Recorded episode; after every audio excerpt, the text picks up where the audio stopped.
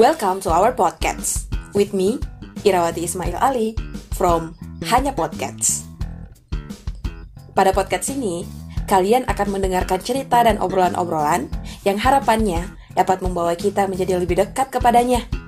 Iya, kepada Allah. Kan dekat kepada Allah dulu, baru dekat ke yang lain karena Allah. Semoga kalian gak bosan ya dengar suara saya. So, dengarkan sampai akhir. Happy listening! Hari ini saya akan membawakan cerita yang berjudul Jangan lupa jalan pulang. Hmm, tapi sebelumnya saya memohon maaf dulu ya, soalnya suara saya mungkin agak gak enak kedengarannya karena lagi serak-serak gimana gitu. Iya, lagi flu soalnya, tapi nggak apa-apa ya, tetap dilanjutin aja ceritanya. Oke, judul cerita kita pada kesempatan kali ini adalah jangan lupa jalan pulang. Ada nggak sih orang yang lupa jalan pulang? Iya, ada ketika orang itu sedang tersesat.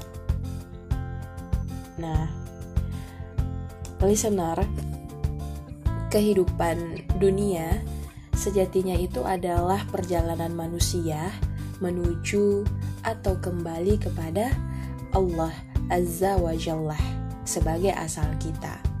Namun, manusia sering kali lupa diri dari tujuannya karena tergoda pesona nikmatnya kehidupan dan gemerlapnya dunia. Teman-teman listener, kita di dunia ini adalah musafir dan sedang melakukan perjalanan. Hal ini harus benar-benar kita sadari dan jangan sampai lalai mengingat hal itu.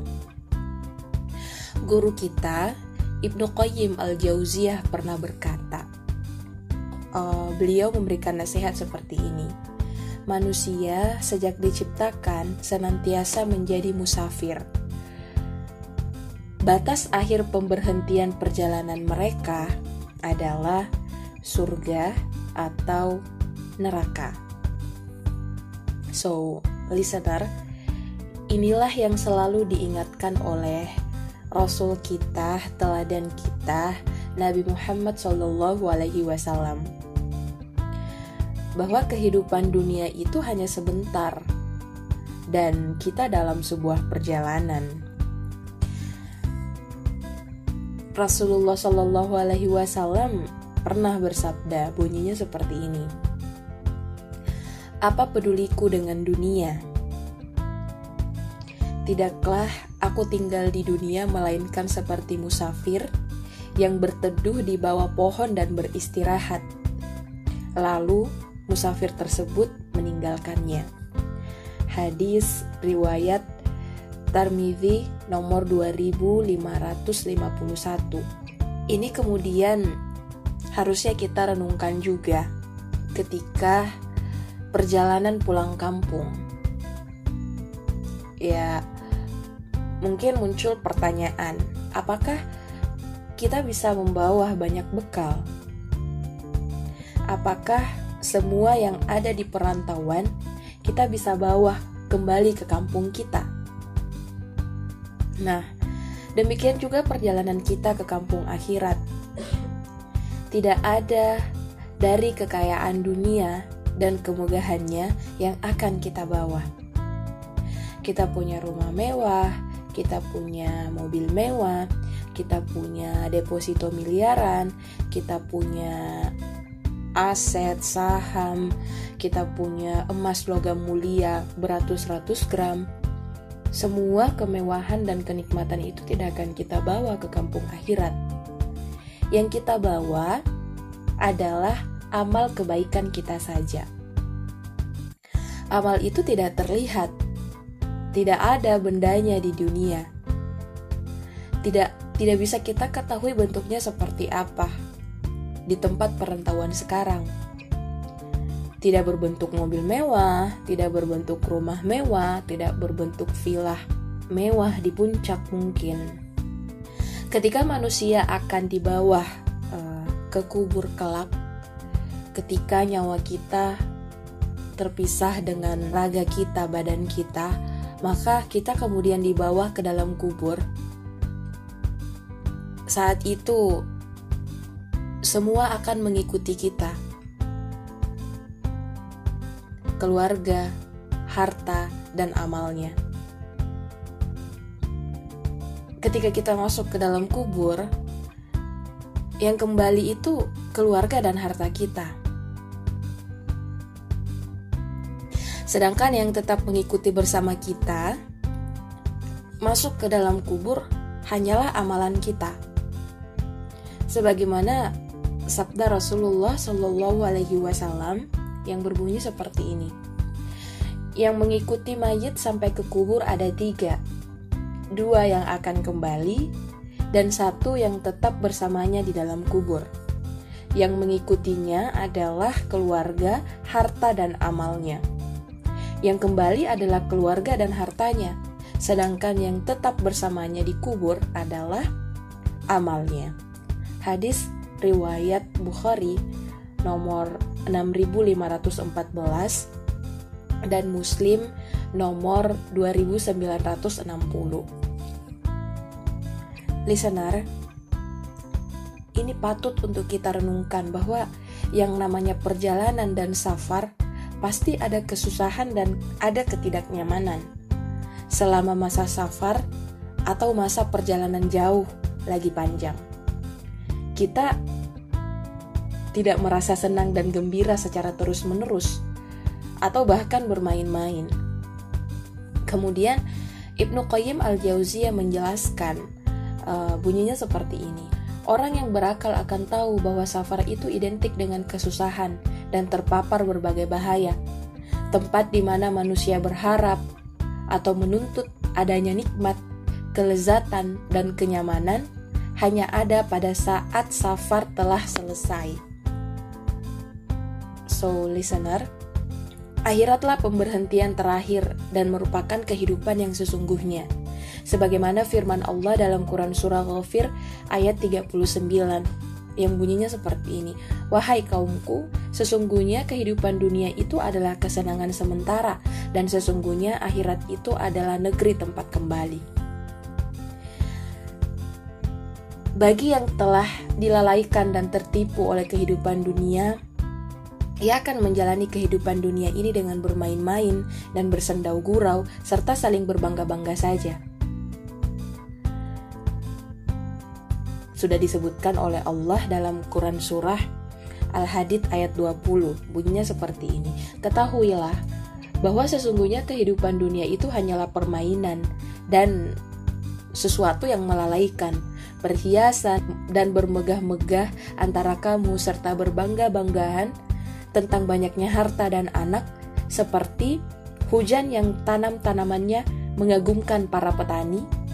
Kemudian tanaman itu menjadi kering dan kamu lihat warnanya kuning, kemudian hancur. Dan di akhirat nanti ada azab yang keras dan ampunan dari Allah serta keridoannya. Dan kehidupan dunia ini tidak lain hanyalah kesenangan yang menipu. Ingat, kesenangan yang menipu. Semoga kita semua bisa pulang kampung. Kampung bapak kita Nabi Adam alaihi salam dan termasuk orang beruntung dan sukses yang dimasukkan ke surga yang yang masya Allah dan dijauhkan dari neraka. Allah Subhanahu wa taala berfirman dalam Quran surah Al-Imran ayat 185 yang artinya barang siapa dijauhkan dari neraka dan dimasukkan ke dalam surga, maka sesungguhnya ia telah beruntung. Kehidupan dunia itu tidak lain hanyalah kesenangan yang memperdayakan. Jadi kesuksesan yang sesungguhnya adalah ketika kelak kita bisa memperoleh ridha Allah dan tentunya diberikan tempat terbaik yaitu surga di sisi Allah Subhanahu wa taala. So, listener, bila Allah Subhanahu wa taala menghendaki kemudahan bagi hambanya, maka jalan keluar atas berbagai persoalan di dunia akan datang dari jalan yang tidak disangka-sangka. Mereka yang bahagia adalah mereka yang bisa menghadapkan wajahnya pada Allah. Hatinya pun terpaut padanya. Keyakinannya pun kuat bahwa jalan keluar dari berbagai macam ujian ini hanya datang kepada Allah. Listener, semua orang yang menghinamu atau yang memujimu tidak akan berpengaruh padamu sedikit pun. Ketika kita yakin bahwa kehinaan dan kemuliaan akan datang dari kedekatan atau jauhnya hubungan antara dia dan Allah. Listener, jika kamu sudah terlampau jauh dari Allah, maka segera kembali, karena ada bagian yang harus diselesaikan dan dibenarkan saat segala telah kacau. Pulanglah dulu pada hatimu. Mungkin ia sedang tidak baik-baik saja. Ia butuh kesendirian untuk memutar balik haluan hidupnya, memperbaiki hati. Sejauh dan setinggi apa pun jabatan dan gelarmu, ingatlah bahwa kamu tetap seorang hamba jangan lupa jalan pulang. Semoga Allah mengaruniakan hidayahnya kepada kita semua, sehingga kita tetap istiqomah pada sisi kehidupan, senantiasa mempersiapkan diri dengan bekal amal di akhirat yang terbaik, dan untuk meraih ridho Allah. Amin ya Rabbal 'Alamin.